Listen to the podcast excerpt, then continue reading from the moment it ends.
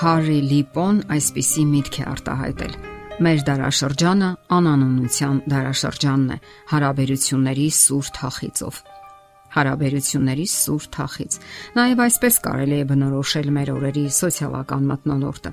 Եթե չհաշվեն քաղաքականության շուրջ ծավալվող բանավեճերը, մարդիկ ծարավի են բնականon հարաբերությունների։ Հարաբերություններ, որոնք առողջացնում են եւ հուսադրում եւ համակում լավատեսությամբ։ Այսօր մարդկանց հատուկ է հորետեսությունը Նրանք չեն հավատում արդարությանն ու ազատությանը եւ որ անհատն ինքն էլ ընդունակ է իրականացնելու իր մարդկային եսի անսահմանափակ հնարավորությունները, որովհետեւ բացակայում է անկեղծությունը, անշահախնդիր ընկերակցությունը, դիմացինին հասկանալու, նրա մարդկային արժանինքներն ընդունելու եւ գնահատելու պատրաստակամությունը։ Ահա սրանք են խորթացնում մարդկանց, հերացնում միմյանցից եւ նետում միայնության գիրկը։ Ինչպես կարելի է բնորոշել միայնության զգացումը։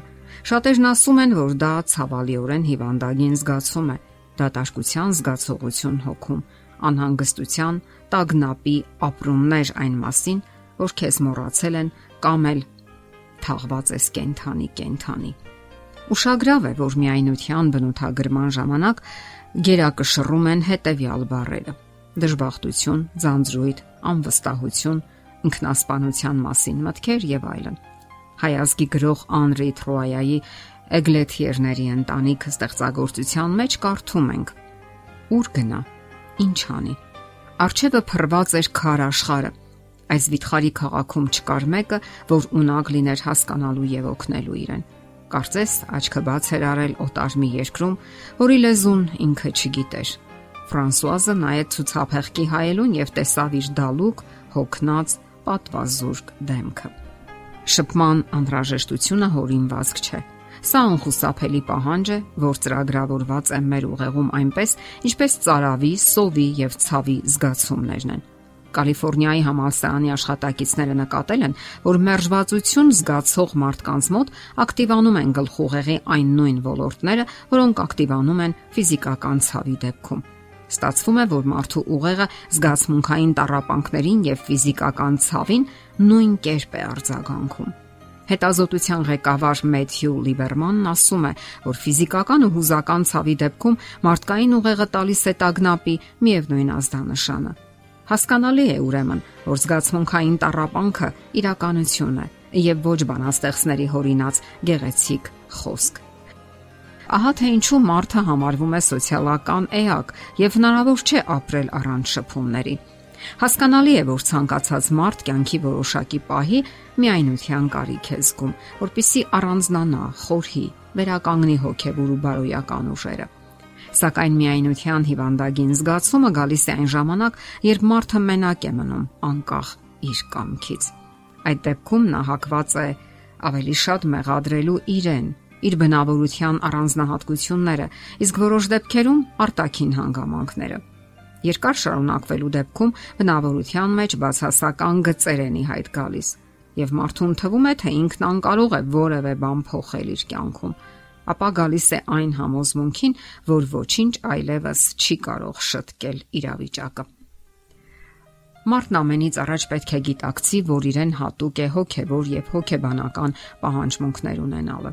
Երբ շփման փոխհարաբերության մեր պահանջմունքները չեն բավարարվում, մենք միայնություն ենք զգում։ Եվ միայնությունը ազդանշանն է այն բանի, որ մեր կյանքի վերոհիշյալ երկու կողմերը կաղում են։ Պետք է ջանք անել, որ սալու այդ ազդանշանները եւ ճիշտ հասկանալու, որ կարողանաք օգնել ձեզ եւ հատկապես արդյոք ձեր միայնությունը կախված չէ որոշ հանգամանքներից։ Դա կարող է լինել մարդու ունեցած որևէ ֆիզիկական արատ, որից նա անընդհատ լարվում է, կամ պարզապես շփվելու անկարողություն։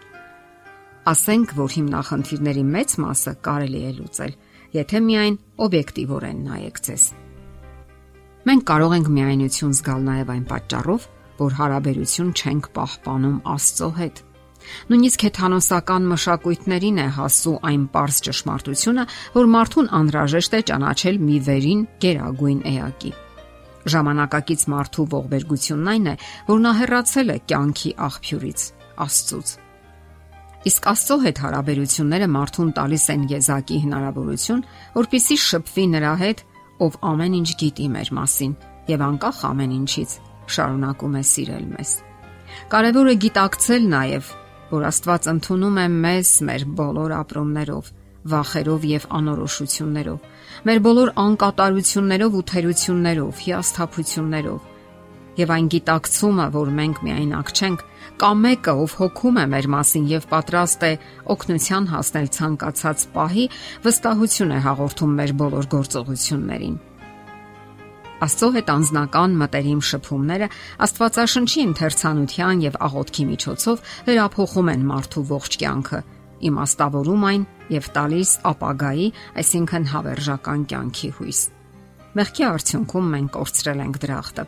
եւ հաճախ կարոտում ենք այն, տխրություն զգում, որովհետև այս երկրի վրա մենք ժամանակավոր տարագիրներ ենք։ Իսկ Աստծո հետ շփման արդյունքում միայնությունը նահանջում է եւ նորովի են իմաստավորվում մարդկային փոխհարաբերությունները։ Պահանջողի մեր դիրքերը փոխարինվում են տվողի դիրքերով։ Մշտական ակնկալիքները, անընդհատ ուրիշներից պահանջելն ու անթիվ գանգատներն ու բողոքները վաղ թե ուշ հիասթափություն են առաջացնում։ Իսկ Աստծո դեպքում ամեն ինչ այլ է։ Նա միշտ պատրաստ է սիրով լսել մեզ եւ տալ մեզ ուզող հարցերի պատասխանները։ Հիշենք այս ճշմարտությունը։ Մենք միայնակ չենք։ Եթերում է ղողանջ հավերժության հաղորդաշարը։ Ձեզ հետ է Գեղեցիկ Մարտիրոսյանը։ Հարցերի եւ առաջարկությունների համար զանգահարել 033 87 87 87 հեռախոսահամարով։